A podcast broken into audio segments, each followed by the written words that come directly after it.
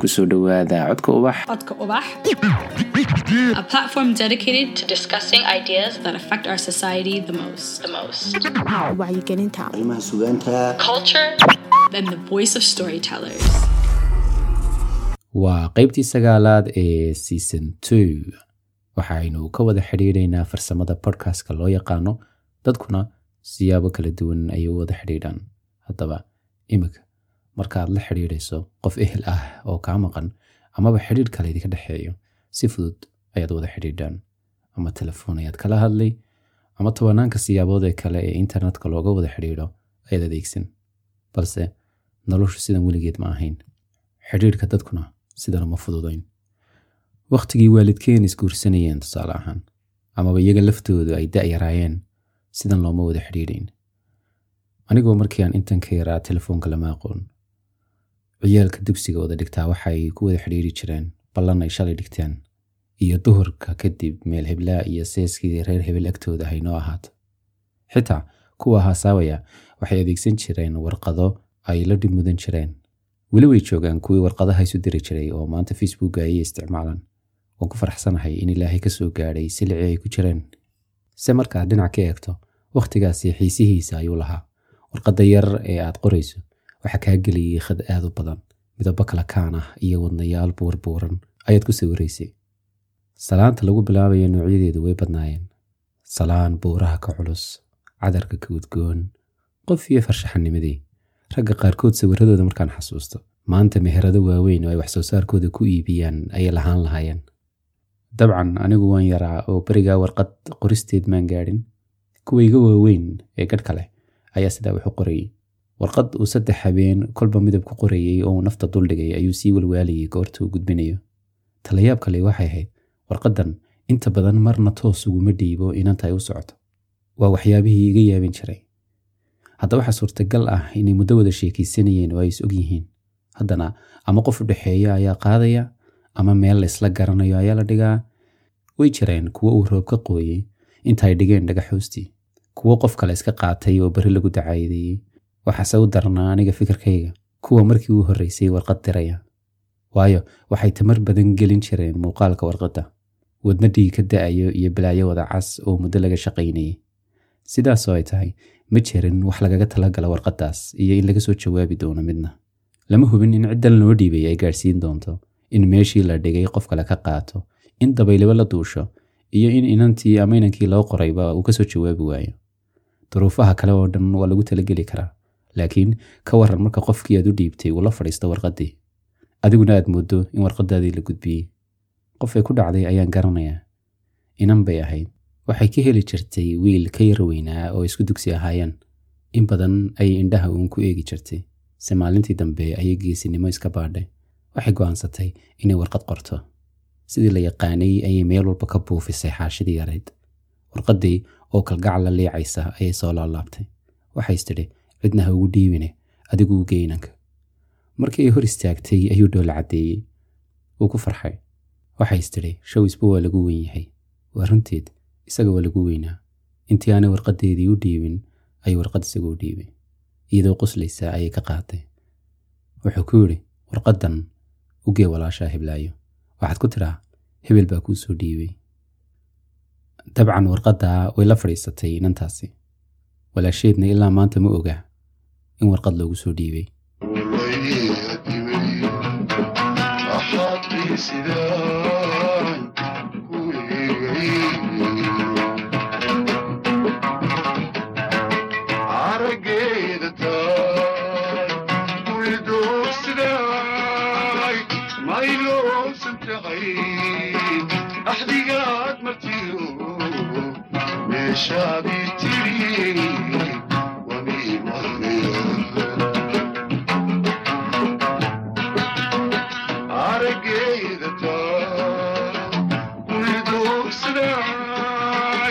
maylousan kahayn axdigaad markiyo meeshaadii tiri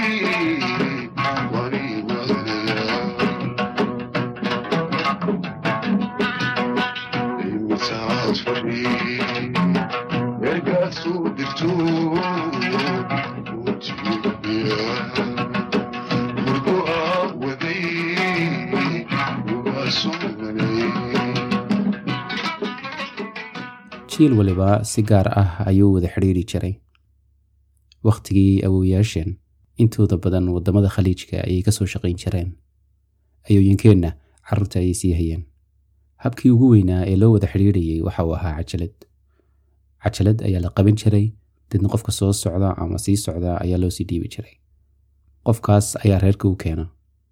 Waxaan xasuustaa cajaladihii awowgey sacuudiga ka soo diray. Allah u naxariiste inaan guriga ku arki jiray aniga oo yar. Nasiib darro iminka ma haya cajalad aynu dhegaysanno. Waxaanse nasiib u helay oo aan haya warqad la soo diray kun sagaal iyo sagaal iyo toddobaatankii warqadan oo aan ka helay qof aanu asxaab nahay waxaan ka bedelay magacyada qoyska saaxiibkay ee khusayso. Bal aynu tagno sidii afartan sanno ka hor wax laysugu qori jiray. Aynu booqanno duruufihii beriga iyo sidii reeruhu isu waraysan jireen. Sidan ayay ku bilaabmaysaa koob iyo labaatankii bishii toddobaad kun sagaal boqol iyo sagaal iyo toddobaatankii. Ka socota sareedo cilmi ducaale laga helo jidda sacuudi carabiya. Ku socotaa qoyska reer cilmi ducaale hooyo suuban dubbed hirmooge aabe cilmi ducaale ababe laga helo hargeysa. Ugu horeyn sadarrada warqadan ka socota sareedo cilmi waxaan ku bilaabayaa magaca eebe ee naxariis guud iyo mid gaaraba naxariista. Mahad idilkeedna eebe ha u sugnaato. Intaas kadib hooyo aabe iyo dhammaan walaaladay waxaan idiin soo dirayaa salaan gacaltooyo. Salaantaasoo koobsanaysa kalgacayl iyo xiise ay qabaan dhammaan halbowlayaasha inantiinna sareedo. Salaantaas oo aan idinku hibaynayo sida aad ii jeceshihiin iyo sida aan idiin jeclahay idinkuna boholyoobay waxaan idiin rajaynayaa abshir iyo badhaadhe. Sidoo kale salaantaa mid la mid ah ha layga gaadhsiiyo dhammaan qaraabada waalid iyo walaal. Salaan ka bacdi qofna ma malayn karo sida aan ugu xiisay ciiddaydii hooyo ehelkaygii aan jeclaa. Qofna ma qiyaasi karo sida aan ugu farxi lahaa aragtida waalidkay iyo walaaladay.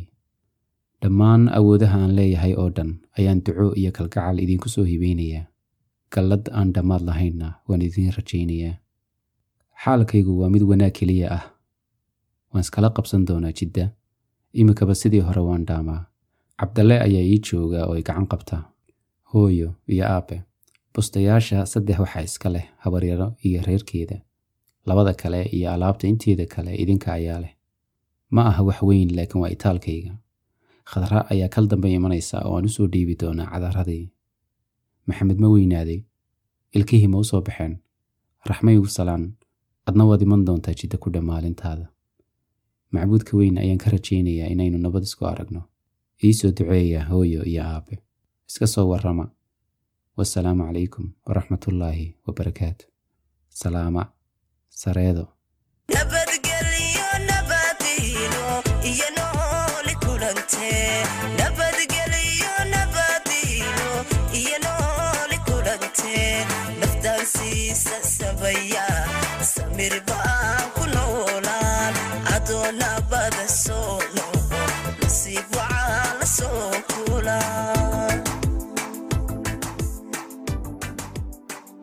dadka oo dhan wax ma akhriyaan sidaynu ognahay? Haddaba sidee la yeelaa marka warqadi kaaga timaado qofkaaga oo waayuhu idinkala kaxeeyeen? Balse aanad akhriyi karin. Sheekadan waxaa la idhaahdaa dhal wadaad. Xusuusta oohintii qiirada lahayd waa qiso dhab ah waxaa qoray saaxiibkayay abwaan maxamed haykal. Sidan ayay ku bilaabmaysaa. Bishii lixaad ee sannadkii kii xilli abbaaro siddeeddii fiidnimo ah ayaan baabuur safar dheer soo galay kaga degay magaalada laanqayrta oo degma ahaan xarshin ka tirsan. Waxaan ka imid hargeysa oo aan joogay toban bilood wax ka yar. Safarka waxaa igu wehelinayay allah u naxariistay abtigay. Habeenka waxaanu ka cashaynay makhaayad uu lahaa nin cabdiqorane la odhan jiray. Kana mid ah qoyska iyo reer abtiga ah. Wax yar kolkii aanu joognay ayuu abtigay geeyey xaafad isla qaraabada ah si aan ula seexdo. Dhowr dumar ah oo guriga ku caweynayay ina wada garanayay ayaa si weyn ii soo dhoweeyey waxaa la ii goglay qol jiingad ah waxaana la dhigay faynuus agabkii aan sitay kolkii aan dhigtay isuna diyaarinayo inaan seexdo ayaa gabadh habaryar iigu aadanay i weydiisay. Habaryar far soomaaliga ma akhridaa. Si deggan ayaan haa ula soo booday. Akhrin keliya ma aha ee berigaa xiise waalan ayaan qorista iyo akhriska farta soomaalida u hayey qolkii inta aan ka soo baxay ayaan soo dhex fadhiistay saddex dumar ah. Midkood ayaa sanduuq yar oo agteeda yaallay warqad ka soo saartay. Waa xaashi cad oo dheer. Labada dhinacba qoraal dhammaystirani kaga yaallo. Ma hubo in warqadda qof safarkayga ka mid ahaa siday iyo inay hore guriga u sii taallay. Intii aanan akhrinta warqadda bilaabin ayay saddexdii dumar ahaa hoos u wada hadleen. Midkood ayaana dibadda u baxday. Akhrinta warqaddii ayaan bilaabay. Sadarka u horreeya warqadda waxaa ku qoran cidda ay ka timi iyo cidda ay ku socoto. Waxay ku socotaa labadan dumar ah ee la fadhiya. Waxaanay ka timi maxbuus dagaal. Salaan miisaan leh oo si hilow iyo kalgacal leh u soo qoray waxaa ku xigay beydadkan. Dhal wadaad lamoodiyey dhawaaqan jeclaystaan dhaqso kaaga filayaa waa eriyo ku jiray heestii dhool ee maxamed saleebaan tubeec qaadi jiray oo uu isdaba mariyey. Intaa kadib qoraalka waxa uu kaga warramay xaaladdiisa isaga oo ammaan badan u jeediyey cidda maxbuus ahaan u haysata oo reer abtigii ah. Hooye waxaad u sheegtaa in reer abtigay sidii lagu yaqaanay si gobonnimo leh ay ila dhaqmeen aniga oo dhaawac ah ayay xanaaneeyeen way i baanteen oo i baxnaaniyeen way i sharfeen oo i ilaaliyeen. Agtooda waan ku nabad qabaa. Xaaladduna inay nabad ku dhammaan doonto ayaan rajaynayaa ayuu qoray. Intaa dabadeed waxa uu ku dheeraaday sida uu ugu xiisay aragtida xaaskiisa iyo hooyadii. Inuu muuqaalkooda maskaxda ka daalacdo oo aanay marna ka bixin ayuu ku celceliyey. Si gaar ah ciiddii u dambeysay inaanu goob la joogin iyo inuu aad u tabay cuntadii marwadiisu karin jirtay ayuu xusay. Dhowr tuduc oo isku xigaa kolka uu qoraalka sidaa u wadaba beydad heestii hore ah ayuu soo dhexgeliyaa mar kasta oo uu beydka heestaa qoro waxa uu ku bilaabaa dhal wadaad la moodiyey waa arrin fiiro gaara leh. Sidii aan akhrinta warqadda u duduminayay ayuunbaan hal mar kor u daymooday labadii dumar ahaa. Midkood oo ah xaaskii maxbuuska ayay indhaheeda ilmo ka hibitiqaysaa waxay dhabankeeda ku masaxaysaa shalmad ay hagoognayd hooyada maxbuuska oo da ahaan toddobaataneeyo iila dhoweyd murugo ayaa ka muuqatay laakiin indhaheeda ilin kuma arkin. Malaha ilmadu hore ayay uga idlaatay. Maxbuuskii warqadda soo qoray waxa uu si dareen leh mar kale qalinka ugu adkeeyey dardaaran uu marwadiisa u jeedinayo. Tii aan jeclaayay haddiis araggeenu xagga alle ka qoran yahay wayna kulmi doonnaa. Haddii ay dhici weydana saddex ilaali daryeelka ubadkeenna u dabicsanaanta hooyo iyo inaad mar kasta ii soo ducayso. Mar kale ayuu sadarradii heesta sii waday isagii oo sidan qoray. Dhal wadaad la moodiyey waan kugu dhadhabayaa. Dharaartaynu kulannaa dhulku ila wareegay dhimasho iyo nolol baan weli kala dhex joogaa. Haddana mar kale ayuu weedhayadii diilo leh iyo ereyo kaftana ku xigsiiyey. Xoogaa kolkii uu wadayey ayuu haddana ereygii adeegsaday. Dhal wadaad la moodiyey warqaddii ayaa dhammaatay intaan isku laabay ayaan gacanta uga dhiibay marwadii kolka hore ii dhiibtay. Way kala furtay sidii qof qoraalka akhriyi kartana u kala bixisay. Waxaan hoos isu weydiiyey haddiiba ay warqaddan akhrisan karto maxay kuugu dhiibtay? Laakiin sidaa may ahayn. Niyadda inay ka akhriday mooyee in aanay weligeed waxna qorin waxna akhriyin ayay ii sheegtay. Talowmayndhahayga ayay ka dareentay waxaan hoos weydiiyey. Warqaddii ayay isku laabtay waxaanay ku riday sanduuqii ay ka soo saartay dabadeed aad ayay iigu mahadnoqday iiguna ducaysay. Waa berigii xigay kolkii aan soo kaxay ayaanu abtigay isla maqaaxidii cabdi qoran ay ku kulannay. Dhacdadii aan warkeeda akhriyey ayaan wax ka weydiiyey. Isaguna xogtii uu ka hayay ayuu ii sheegay.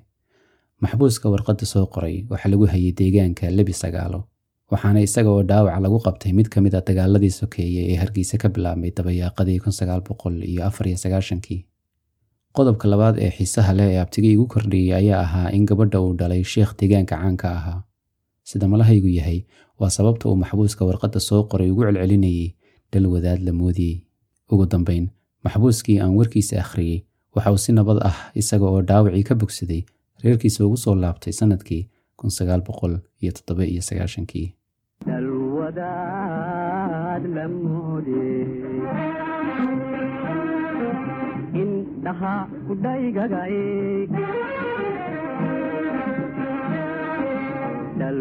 dalwadaad la moodey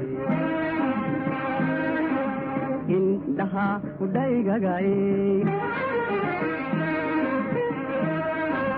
dalwadaad la hilaaciyo dolaka qosolkaage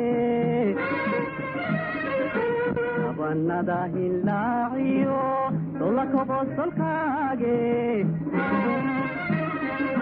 dhaqaq joog sigayga dhalanku ilayaaba dhaqaq joog sigayga dhalanku ilayaaba yuku dhaafin hadalku idaga idaga nuglo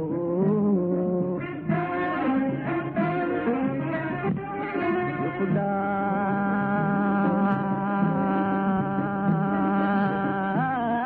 dhaafin hadalku idaga idaga nuglo